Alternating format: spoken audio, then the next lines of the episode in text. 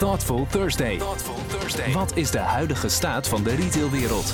Hoe ontwikkelt het gedrag van de Nederlandse consument zich? Thoughtful Thursday. Elke week een podcast. Elke week een nieuwe gast. Elke week antwoorden op de belangrijkste vragen uit de wereld van de retail. Thoughtful Thursday. Goedemiddag, het is weer tijd voor Thoughtful Thursday. En vandaag gaan we in gesprek met Marcus Konings, eh, oprichter en CEO van Sandenburg Concept Creation en DST. En bijvoorbeeld de geestelijk vader van de net geopende, zojuist geopende nieuwe HEMA in Hilversum. Welkom, welkom Marcus. En geen Frank, maar John naast me op de bank. Welkom John. Yes, dankjewel. Nou, mooi. We gaan er een mooi gesprek voor maken. We beginnen altijd met het nieuws van de week. Marcus, wat is jouw nieuws van de week? Ja, allereerst uh, su- superleuk, uh, Jan en uh, John, om hier samen om de tafel te zitten. Nieuws benoemde je eigenlijk uh, zelf al. Hè? De opening van de nieuwe HEMA in uh, Hilversum uh, aan de ene kant. En het is te groot dat ik daar het geestelijk vader van ben. Want dat hebben we echt met een heel team gedaan. En onder andere ook het bureau Staat. Die daar een belangrijke bijdrage aan heeft geleverd. En natuurlijk HEMA zelf als team waanzinnige bijdrage geleverd. Maar daar komen we straks misschien nog meer op. Zeker. Ander stukje nieuws wat ik toch wil benoemen is Eddie van Wessel. Eddie van Wessel is een waanzinnig fotograaf. Wat mij betreft een stukje Nederlands trots. die naast de zilveren camera van Nederland ook de grote fotoprijs van Zweden heeft gewonnen. En dat is echt heel bijzonder. Volgens mij is dat niet eerder voorgekomen dat een fotograaf uit Nederland dat heeft gedaan. En waarom benoem ik dat? Zeg maar, ook al is dat. Eddie is een oorlogsfotograaf. Uh, trekt uh, met regelmaat echt naar de frontlinies in de Oekraïne. En uh, ja, wat ik heel knap aan Eddie vind, is dat hij op een hele persoonlijke, hele dierbare en ook wel ja, hele tastbare manier de verhalen vertelt die aan die frontlinie plaatsvinden. Dat gaat niet alleen maar om de gevechten die er plaatsvinden, maar met name om de mensen. Um, en ik, ja, ik wil iedereen oproepen om eens te gaan kijken zeg maar, op Facebook of de online. Zoek hem op, Eddie van Wessel. Uh, en je krijgt een, ja, vind ik, een heel ander beeld uh, van wat daar uh, gebeurt. En ongelooflijk knap dat hij dat doet. vol overgave en vol passie. We gaan en, kijken. We gaan kijken. Gaan doen. En vind je ook wel een logische, want je bent natuurlijk een gepassioneerd fotograaf. Dus, Zeker? Ja, maar, maar zeker niet op dat niveau. Nee, nee. dus durf dat niet aan te Wel raken. van retail, toch? Uh, ja, zeker ja. voor retail. Ja. ja. Dus, uh, dus zo kijk ik ook naar die retailwereld. En ja. Uh, ja, wij we zijn onlangs samen natuurlijk ook in New York geweest, John. En ja, ik blijf het ongelooflijk leuk vinden om af en toe dat, zeg maar letterlijk door die lens naar de retail te kijken. Omdat je zoveel meer detail ziet. En, en ik het ook vaak herbeleef op het moment dat ik thuis ben. en ik die foto's nakijk en eigenlijk nog veel meer details. gaan we het zo over hebben. Gaan we, zo. we gaan nu naar het week van John. Ja. Ja, we hebben recent een onderzoek uitgevoerd onder uh, meer dan 100 retailers. Uh, onder andere stilgestaan bij de, bij de exploitatie, omzetverwachtingen uh, en ook de, met name de kostencomponent. En daar is toch de conclusie dat als je alles een beetje doorrekent, dat gemiddelde retailer toch wel een ja, 30%, richting 30% reductie in, in rendement verwacht. Um, ze verwachten wel een kleine omzet, maar ja, inflatie is waarschijnlijk wat hoger. Maar met name de kostencomponent die is, die is gewoon enorm fors. Dus uh, retail gaat nog steeds wel een heel uitdagend jaar tegemoet. Waarbij het echt wel draait om, uh, om klanten voor je winnen, om, om niet te verliezen. Mm-hmm. Dus vooral ook die, die omzetcomponent uh, goed meepakken. Want anders komen de, ja, de kosten komen anders keihard, keihard in je gezicht binnen. En dat vul ik nog even aan met het uh, nieuws over de grijze derving. Wat er allemaal bij de zelfscan gebeurt. Er, wordt, er schijnt gewoon een hobby te worden. Derving. De grijze derving noemen ze dat. Dus mensen die, die, uh, kopen, die rekenen een gewone croissant af. Maar er zit een chocoladecroissant in het mandje. En dat is dan een vergissing. Oké. Okay. Dus, maar het gaat echt om serieus geld. Dus ik denk dat dat misschien wel een vraagstuk wordt... wat bij Sandenburg terecht gaat komen. Hoe kunnen we de grijze derving voorkomen of terugdraaien? Ja. Maar goed. Welkom Marcus. Uh, wat doet Sandenburg? Nou, uh, wat wij in principe doen is het ontwikkelen, ontwerpen en uh, realiseren van wat wij noemen klantbelevenissen. En uh, klantbelevenissen is natuurlijk een breed spectrum. dat kan inderdaad zijn van de Tony Chocolonely Superstore tot het Hive, dat is de Global Foods Innovation Center van Unilever. waar het uiteindelijk om gaat is dat wij vrijwel altijd in een fysieke omgeving uh, de, de, ruimte probeert te creëren en, en weten te creëren om de klant op de verschillende touchpoints echt te raken. En daarmee een totaalbeleving mee te geven die uh, niet enkel gedeeld wordt omdat het gaaf is, maar uiteindelijk waarde toevoegt. Hè. En dat is waarde in meer omzet, maar dat is ook waarde in loyalty of op de langere termijn waardoor ze terugkomen. En ik denk dat die laatste, zeg maar die verbinding met die klant, het allerbelangrijkste is uh, wat we doen. En uh, de digitale wereld hoort daar natuurlijk onlosmakelijk uh, bij. Hè? Maar ja, de, ik denk dat wij wel de specialist zijn in de fysieke wereld en daar het hybride element van klantbelevenis toe te voegen. Maar om gelijk even door te pakken dan, waar ja. je ook net over begon. Is HEMA dan een mooi voorbeeld van wat jullie doen?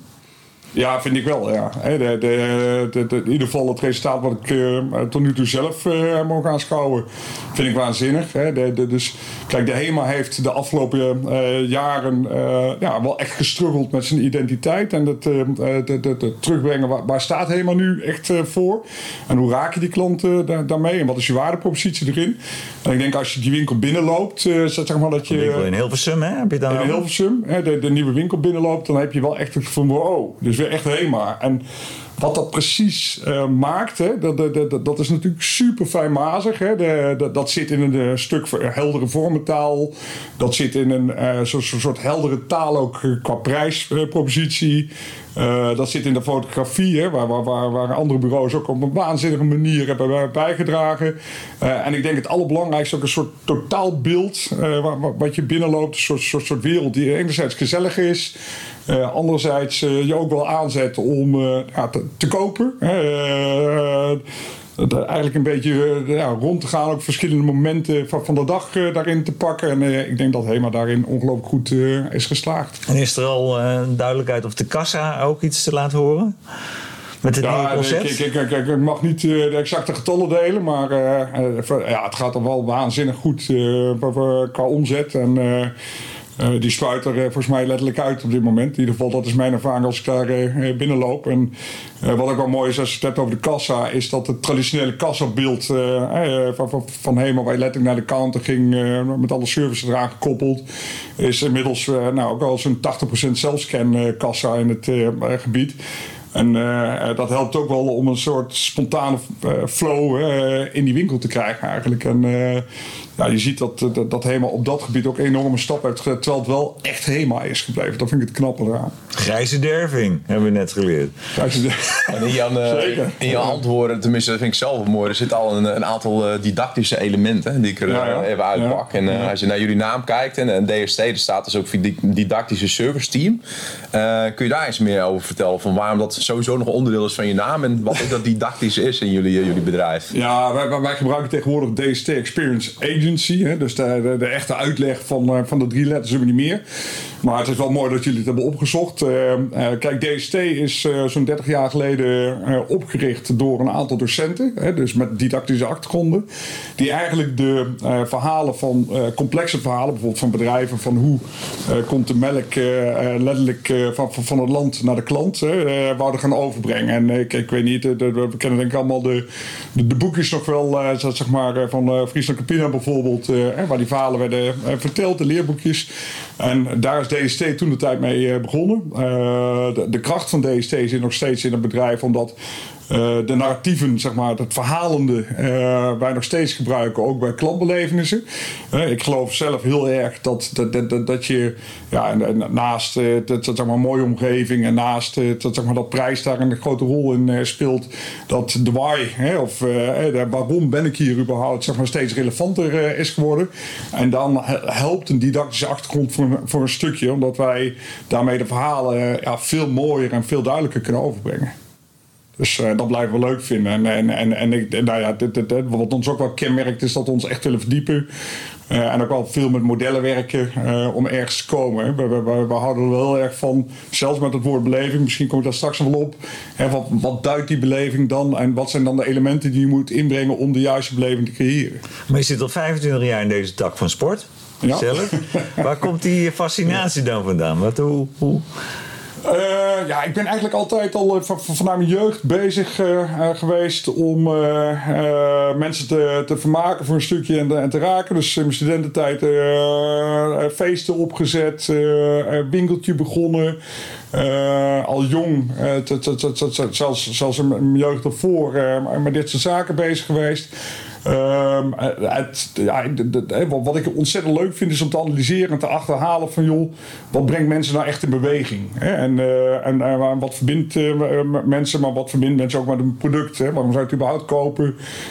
en waarom is de ene winkel veel leuker? Hè? Dat is ook altijd het mooie, bijvoorbeeld mijn dochter uh, Roos, die inmiddels 16 eh, is, die heeft ooit eens een keer op de uh, zesde volgens mij gezegd van joh, wat moet papa dan? Hè? Werd dan gevraagd in de klas. Ja. toen, zei toen zei mijn dochter heel terecht van ja, mijn papa maakt winkeltjes leuker. En oh. ik denk dat dat altijd een fascinatie van, van mij is geweest. En, en, en dan uiteindelijk onderbouwd natuurlijk. En wat, wat, wat, wat raakt dat dan? Ja, ergens zit dat heel diep in je. Ehm, ik, ik, blijf mensen heel erg leuk vinden om bij elkaar te brengen. Uh, ben zelf een sociaal dier uh, daarin. Maar ja, daarnaast blijf ik altijd wel kijken en analyseren van... joh, wat gebeurt er dan en waarom doen we dit überhaupt? En dat vak blijf, ik, blijf ik mooi vinden, blijf, vind ik alleen maar mooi. Dus, en wat dat betreft zitten we in tijden die daar misschien nog veel meer om vragen. Wat verbindt ons en uh, wat brengt ons terug naar die winkelstraten, maar ook wat brengt ons terug naar werk. waarom zouden we gewoon nog naar kantoor gaan? Uh, nou, er zitten allemaal principes achter. ja, ja mij boeien. Ja. Als je het over een belevenis hebt. We zijn natuurlijk uh, begin dit jaar nog naar uh, New York geweest, uh, de NRF. Ja. nou, daar natuurlijk mooi rondgefietst. Ja. Je had ook je, je, je fotocamera meegenomen. Dus het is ook wel even interessant om te weten van waar je sowieso heel erg naar kijkt als je formules doormeet. Ja. Um, en ook wel in de mix met ja, wat, wat jij dan met name in, in New York is opgevallen. Vooral ook aan, aan de fysieke kant van die, van die winkels. Ja. Want je hebt veel gezien. Dat is een ding wat zei ik. heel, veel, heel veel gezien. Ik heb het, nou, de, de, los dat dit alweer een waanzinnig waanzinnige uh, reis met elkaar was, uh, heb ik uh, nou, de mazzel gehad om afgelopen zomer ook nog eens zo'n vier weken rond te reizen in, in Amerika. En daar nog veel meer te zien. Hè.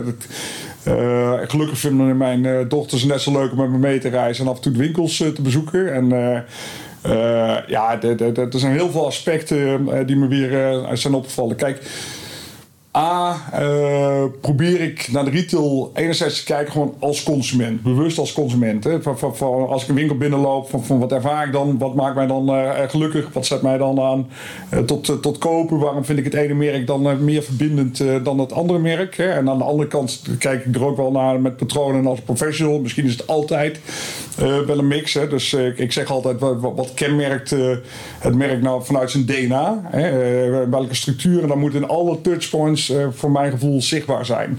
Dus dat, uh, dat begint al online. Uh, dat zit in de medewerkers die ontvangen. dat zit in de bebouwde omgeving. Dat zit in de producten. en ja, dat moet voor mij wel heel erg oprecht voelen. Nou, als ik, als ik dan kijk naar de, de winkels die we bekeken hebben en die voor mij heel erg oprecht voelen, Patagonia, blijf ik waanzinnig vinden hoe die dat doen. Dus de, de, ja, die, die, die winkel voelt heel erg puur en heel erg toegankelijk, ook wel outdoor sport, maar ook de, de winkels duurzaam zonder dat die duurzaam voelt, zeg maar op dat vlak.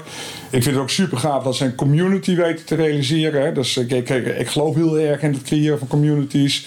Uh, waarbij ze zelfs een, deel van de winkel beschikbaar stellen als een soort museum. Uh, over een uh, reis die een van de bergbeklimmers heeft gemaakt over allerlei gebergtes. bekende. En nou, bijvoorbeeld de Nightlife vind ik ook zo'n fantastisch voorbeeld. Hè? Als, je, als je mij vraagt van welk bedrijf zich altijd te reinventen, zeg maar, of eruit uit te vinden, vind ik Nike toch wel heel erg knap. Hè? En die Nike Stores zijn ook echt community stores waar je binnenkomt en waarbij je er eigenlijk eerst ruimtes gecreëerd voor de verbinding. Zonder dat er meteen product into your face wordt geblazen, zeg maar. Er staan letterlijk een grote zitzone zoals wij hier zitten. Waar je gewoon heel relaxed kan zitten. Boeken kan lezen. De medewerkers die, die, die, nou, die, die, die pushen ook niet, zeg maar. Maar die ontvangen je letterlijk. de, de online wereld is daar heel erg goed verbonden. Dus ik, ik had de, de app al beschikbaar, waardoor je ook gewoon ja, veel meer voordelen krijgt om producten te ontdekken. maar ook de events, de communities die je bij elkaar brengt, op, tot op lokaal niveau. Hè. Dus Williamsburg, wat daar heel duidelijk naar voren wordt gebracht. En dat vind ik waanzinnig knap. En ik, je, was, je, was, meer onder de indruk van die van Williamsburg dan, dan die enorme flagship op Fifth Avenue dan waarschijnlijk. Of... Ja, toch wel beide hoor, moet, ik zeggen. Kijk, Williamsburg spreekt mij als persoon meer aan, omdat hij uh, wat meer de menselijke maat heeft. En uh, Fifth Avenue is natuurlijk ook super gaaf. Ze merken hoe die daar uitpakken. En wat ik wel heel gaaf ook vond de, om te zien is afgelopen zomer alles uit de begane grond. Dat wist ik ook niet hoor. Die transformeren ze elke drie maanden totaal. en, en, en nu hadden zij dan een soort digitale basketbalcourt waar, waar je een, een game kon spelen en patronen uh, kon, kon, spelen met je basketbal. Uh, die moest nadoen en daar punten mee kon winnen. En de vorige keer hadden ze veel meer een uh, makerslab. makerslab, zeg maar wat ze daar hadden. Waarbij je eigenlijk met vintage Nike ook gewoon weer nieuwe producten kon maken. En, maar er zijn nu wel Nike en Patagonia zijn natuurlijk wel bekende voorbeelden. Zeker. Heb je in New York ook iets gezien waarvan je zegt van kijk, dat is nog wat minder bekend. Maar dat is wel spot on wat daar gebeurt? Ja, nou ja, spot on. De, de, de, de Gentle Monster is volgens mij minder bekend. Hè. Dat is een, een opticien merk van brillenmerk, uh, zeg maar die hele gave zonnebrillen en brillen uh, überhaupt hebben. En uh, die oprichter van, van Gentle Monster, ja, die heeft al ontzettend veel lef. Want die, die, die, die zegt van jongens, we leven in een soort wereld waarin je ook moet kunnen dromen. En die winkels zijn veel meer een museale opzet. Hè. Dat als je daar voor de eerst binnenloopt, denk je wow, wat gebeurt hier? Weinig met opticien te maken. Weinig met opticien te maken, maar met hele heftige thema's ja. zelfs erachter. Zoals tsunami of robots die de wereld komen veroveren. Of He, ze heeft, voor, elke winkel heeft hij een ander thema. Maar op de een of andere manier triggert het je wel. Zeg maar. en, en, en als je eenmaal in die winkel bent, er zit wel een soort gelaagdheid in. Dat als je naarmate je verder in die winkel komt, je ook wel meer gave brillen kan vinden. Hè? Maar ja, ik vind dat wel boeiend, moet, moet, moet ik je zeggen. En, is dit nou het voorbeeld, weet ik niet. Maar ik, maar ik geloof wel dat we heel veel kunnen leren van, van, van degene die juist die randen opzoeken en heel veel lef hebben. En volgens mij is het best een succesvol merk, dat Gentleman Monster. Bestaat wel Ook in de online ja, ja, ja, Wat zijn nou in jouw eigen stal eh, de paradepaardjes waar je het graag over eh, hebt?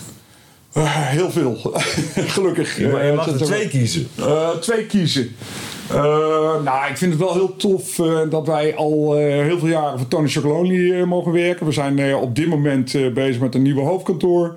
we zijn ooit begonnen met Henk-Jan Beltman, de oprichter van Tony Chocolonely, op de Westergas in het allereerste kleine kantoortje. De Tony Superstore die erachter zit. En waarom vind ik het heel erg gaaf om bijvoorbeeld daar voor, voor, voor te werken, is dat het een, een team is met een missie. je merkt en alles, zeker in de beginjaren, maar nu steeds gelukkig dat ze echt gedreven zijn om die missie, hè, die, die, die, die sla, slaafvrij maken van de cacao-industrie. En met name de kinderslavernij natuurlijk. Om die echt aan te pakken. En dat zit echt in het DNA van het bedrijf. En daar gaat, gaat ook heel veel over. Uh, dus dat vind ik een hele mooie natuurlijk uh, om voor, voor, voor, te werken. Ja, zeer recent natuurlijk de HEMA brengt zo'n glimlach op mijn gezicht. En, maar ik vind het ook mooi om te werken bijvoorbeeld voor Unilever, waar wij het Global Foods Innovation Center van Hive hebben ontwikkelen, mogen ontwikkelen op de Wageningen campus ja, dat is ook echt een plek waar je naartoe uh, moet. Ik was daar afgelopen week en dat is waanzinnig dat daar niet alleen maar gewerkt wordt door Unilever, maar dat daar ook samengewerkt wordt met de Universiteit van Wageningen aan eigenlijk de grote voeduitdagingen. Dan gaat het over de verduurzaming, überhaupt de voedselproblematiek of de wereld in de toekomst nog kunnen voeden.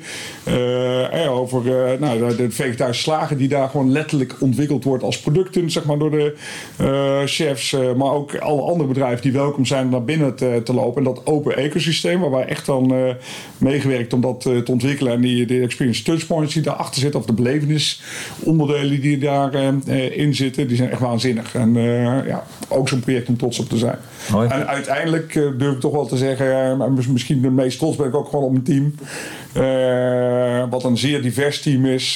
jong en oud, man, vrouw, maar, maar vooral gepassioneerd, gedreven. super kwaliteit qua achtergrond, maar, maar ook gewoon ja, met elkaar aan mooie dingen bouwen. Het lijkt me dat hij een Oscar gewonnen heeft. Dus, uh, ja, weet ik niet. Geen Oscar gewonnen. En als je weer, wereldwijd, als je gewoon uh, ja, de, de, hele wereld bekijkt, wat zijn dan uh, concepten waarvan je zegt van beste Nederlandse retailers, verdiep je daar even goed in?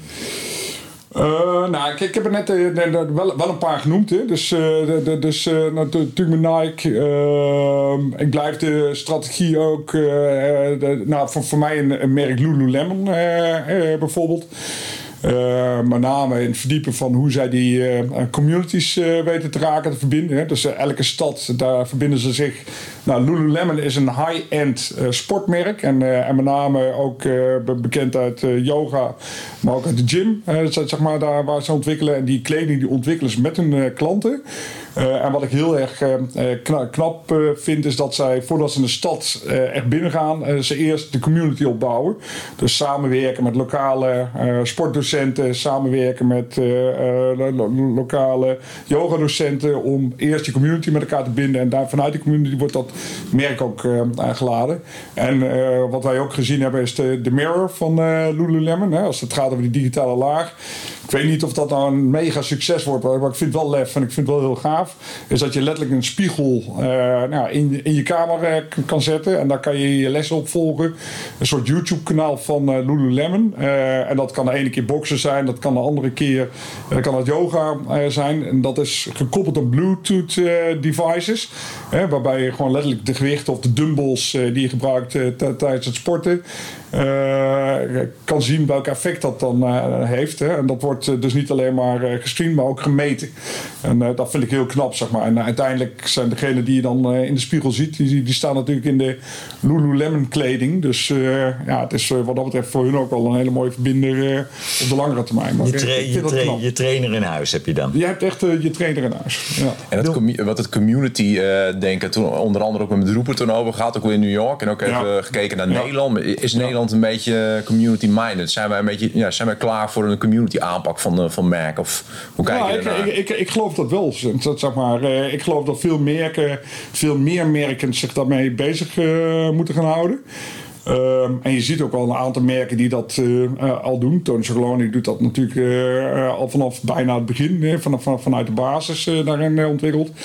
Uh, nou, ik zie ook bij HEMA dat ze daar inderdaad uh, stappen in aan het zetten. Volgens mij uh, Albert Heijn zet, zet, er ook wel echt goede stappen in. Ehm, en de, volgens mij mogen we daar wel wat meer in doorpakken met, met z'n allen. In Engeland en, en met name in Londen en Amerika zie je natuurlijk toch wel wat meer winkelconcepten die wat meer uitpakken. Zoals Starbucks Roasteries. En, ja, ik hoop dat we daar in Nederland of Italië bijvoorbeeld, dat we daar wat meer voorbeelden van gaan zien in het Nederlands landschap.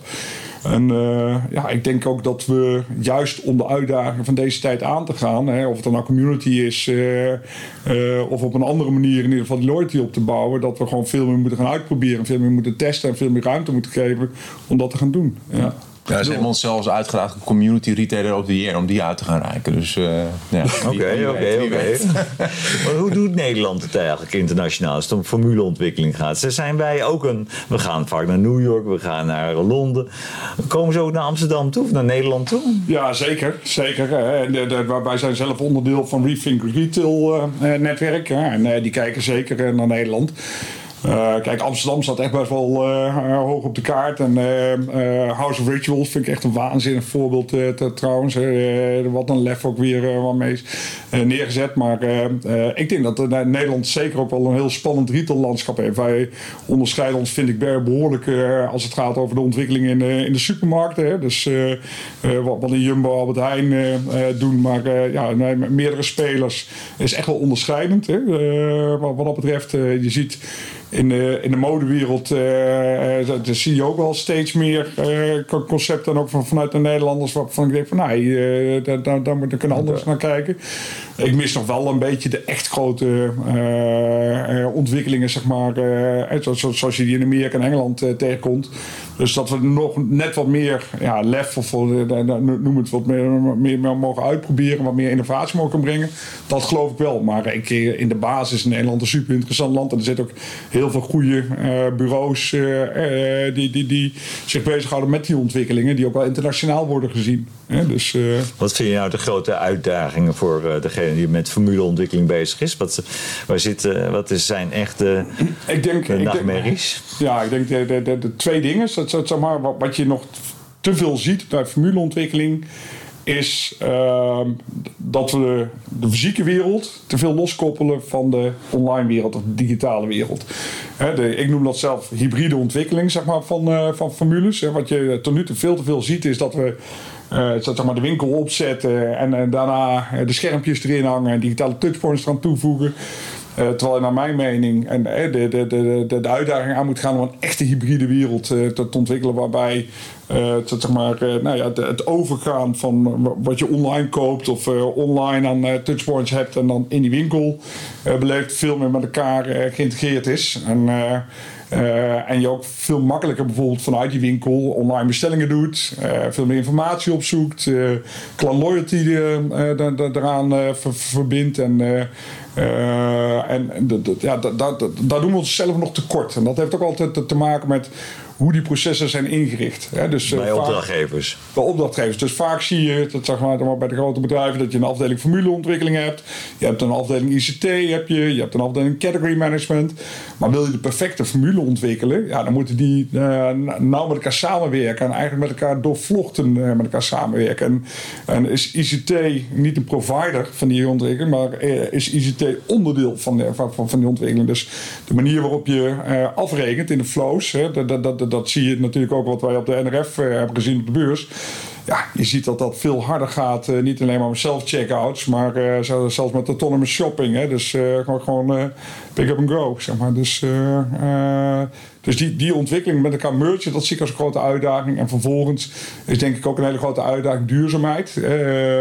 Van, van, van, van, ja, niet, niet alleen maar eh, FSC hout, uh, zeg maar je meubels maken, maar het gaat er veel meer over wat is nou je duurzaamheidsvisie bij de toekomstige ontwikkeling van, van, van die concepten. En hoe zorgen we dat we die modulairder maken, in de basis al veel slimmer ontwikkelen.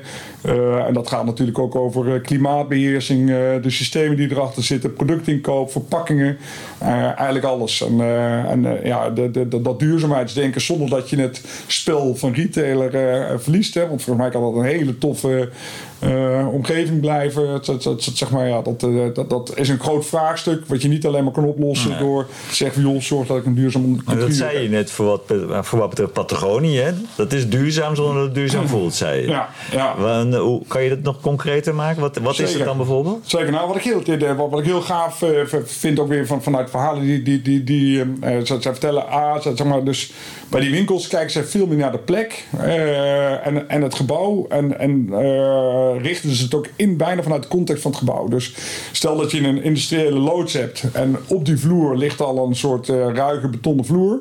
Dan gaan zij daar niet nog eens een keer een, een laminaatvloer overheen leggen of een hele mooie strak gegoten betonvloer. Zeg maar, die vloer die laten we, die helen we aan, zeg maar. En daarmee laten we dat gebouw intact. En vervolgens kijken zij ook naar welke materialen zijn er in de omgeving al beschikbaar, die, die, die we gewoon kunnen hergebruiken, zonder dat er nieuwe materialen aan toegepast worden.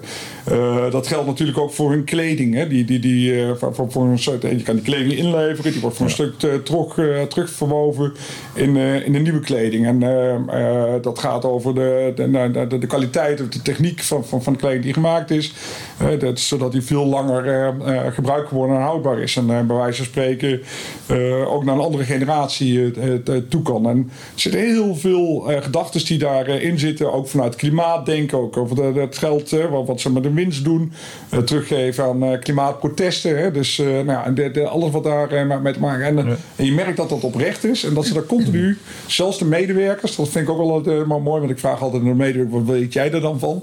En dan merk je ook wel dat die er gewoon echt in leven en, en gewoon echt onderdeel van zijn. Dat vind ik knap. En als je naar KPI's kijkt op het gebied van duurzaamheid, tenminste jullie ontwikkelen natuurlijk concepten, maar kijk je ook met retailers naar wat dan belangrijke KPI's zijn binnen een concept? Want de achtergrond is uh, bijvoorbeeld retail auto-onderzoek. Waar zien dat uh, duurzaamheid heeft enorm veel prioriteit. Ja. Maar als je een vraag van hey, uh, op welke KPI stuur je dan? zie je dat retail nog heel erg zoekende is. Dus ik weet niet of jij top of mind twee, drie KPI's hebt waarvan je zegt van hey, duurzaamheid, dan moet je echt op die KPI's gaan meten. Ja, kijk, ik heb wel een aantal KPI's beschikbaar, zeg maar, maar die, die, zijn behoorlijk obvious. Hè? Dus dat, dat gaat natuurlijk over footprint. een KPI zou kunnen zijn van van, van, eh, hergebruik eh, van eh, bestaande materialen. Dus bijvoorbeeld overspuiten duurzame verf dan wel van, van, van bestaande stellingen.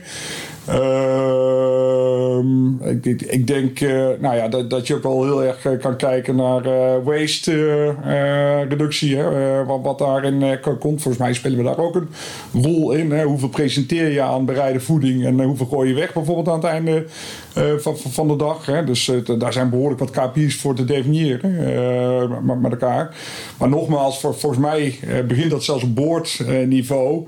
van is het een, nou, nou ja, is het meer een, hoe kan ik het zeggen, een opgelegd iets? Of uh, ga je nou doorvlochten toepassen en daarin geloven? Zeker. En ook dat zit dan weer in eigenlijk alle afdelingen die eraan mee moeten werken om uiteindelijk die duurzaamheidsvoetprint te bewerkstelligen. Dus. We hoorden dat uh, Decathlon ook met zijn hele transformatie bezig is hè? Op, dit, op dit stuk. Die zegt, uh, dan denk je, Patagonie heeft de naam, maar Decathlon, Decathlon gaat wel inlopen nu. Oké. Okay. Um, je hoort vaak uh, underground wordt mainstream. Hè? Alle vernieuwing gebeurt in de underground. Dat zien we eigenlijk nog niet. En, uh, heb jij, sta je daar, zie je dat ook? Of ben je het daarmee eens? Of ben je, je schudt eigenlijk en denkt van nou, wat moet ik ermee? Maar nou, niet, niet, niet wat moet ik ermee, maar ik, ik, ik geloof dat, dat vernieuwing op alle niveaus gebeurt. Hè. Het is natuurlijk zo dat ja, dat, eh, als underground, eh, als je daarmee bedoelt ook wel een beetje de, de start-ups, eh, zeg maar, in, in het veld. Ja, hè, die zijn vaak meer lef bezig, maar meer overtuiging bezig op, op hun punt. Ja, uiteindelijk uh, de grootste impact uh, wordt uh, ook gemaakt door, door, de bestaande bedrijven, of de grotere bedrijven zeg maar, die daar gebeuren. En, en wat ik wel zie op dit moment is dat, dat het besef van hé, hey, we, moeten iets op thema's duurzaamheid, digitalisatie, maar ook klantverbinding, ja, die, die zijn groter dan ooit, merk ik. dus ik merk dat die vernieuwing echt wel plaatsvindt in alle lagen. En, en nogmaals, die vernieuwing, ja, die, die, die vindt plaats bij een landmarkt, wat, ook een opdrachtgever uh, waar we al jaren mee werken. Met de Marie Meurs, die daar de leider, bedrijfsleider van is. dat, dat, zeg maar, ja, die, die, die kan natuurlijk heel, heel erg doorpakken, omdat het een overzichtelijke tent is. Maar ik merk het ook wel in alle eerlijkheid bij, bij Unilever met een Global Foods Innovation Center. En ik merk het ook bij uh, bij de Albert Heijn en bij Nema's. Zeg maar. Dus de, de, de, gelukkig gebeurt het op alle uh, fronten. Maar het allerbelangrijkste, volgens mij wil die vernieuwing bewerkstelligen. Geeft er ruimte aan. Hij geeft er ook budget aan. en durf ook groots uit te proberen. Dat, dat, dat merk ik vaak wel. Zeg maar, dat we uh, omdat we dachten, ja, in de winkels en uh, het valt meteen op. Maar ja, uh, zet ook een aantal winkels op waar je gewoon heel veel lef kan hebben om uit te proberen. Omdat je anders die vernieuwing niet gaat ontdekken, zeg maar, op dat vlak. En dat merk ik wel vaak dat we dat soms met de kleine stapjes doen. Terwijl de noodzaak veel groter is op dit moment.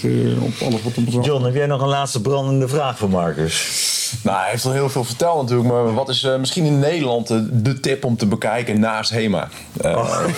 naast HEMA, dat is wel een goede, ja.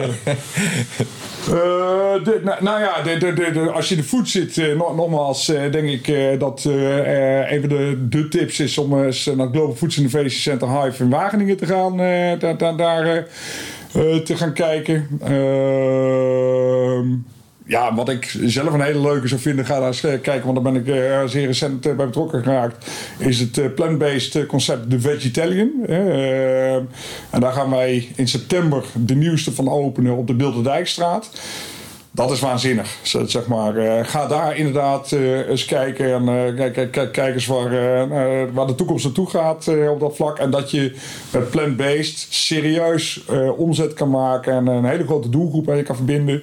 En, en dat het knetter lekker is. er zijn nu twee plant-based vegetarians open.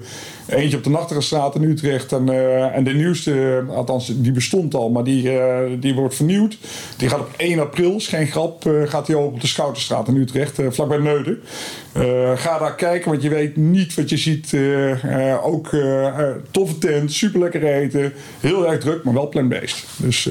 Nou, wat leuk. Goeie tips. Nou, ja. Dus heel erg bedankt. Vond het ja. erg, erg leuk om zo met je in gesprek te zijn. Idem. En luisteraars, tot volgende week. Dag.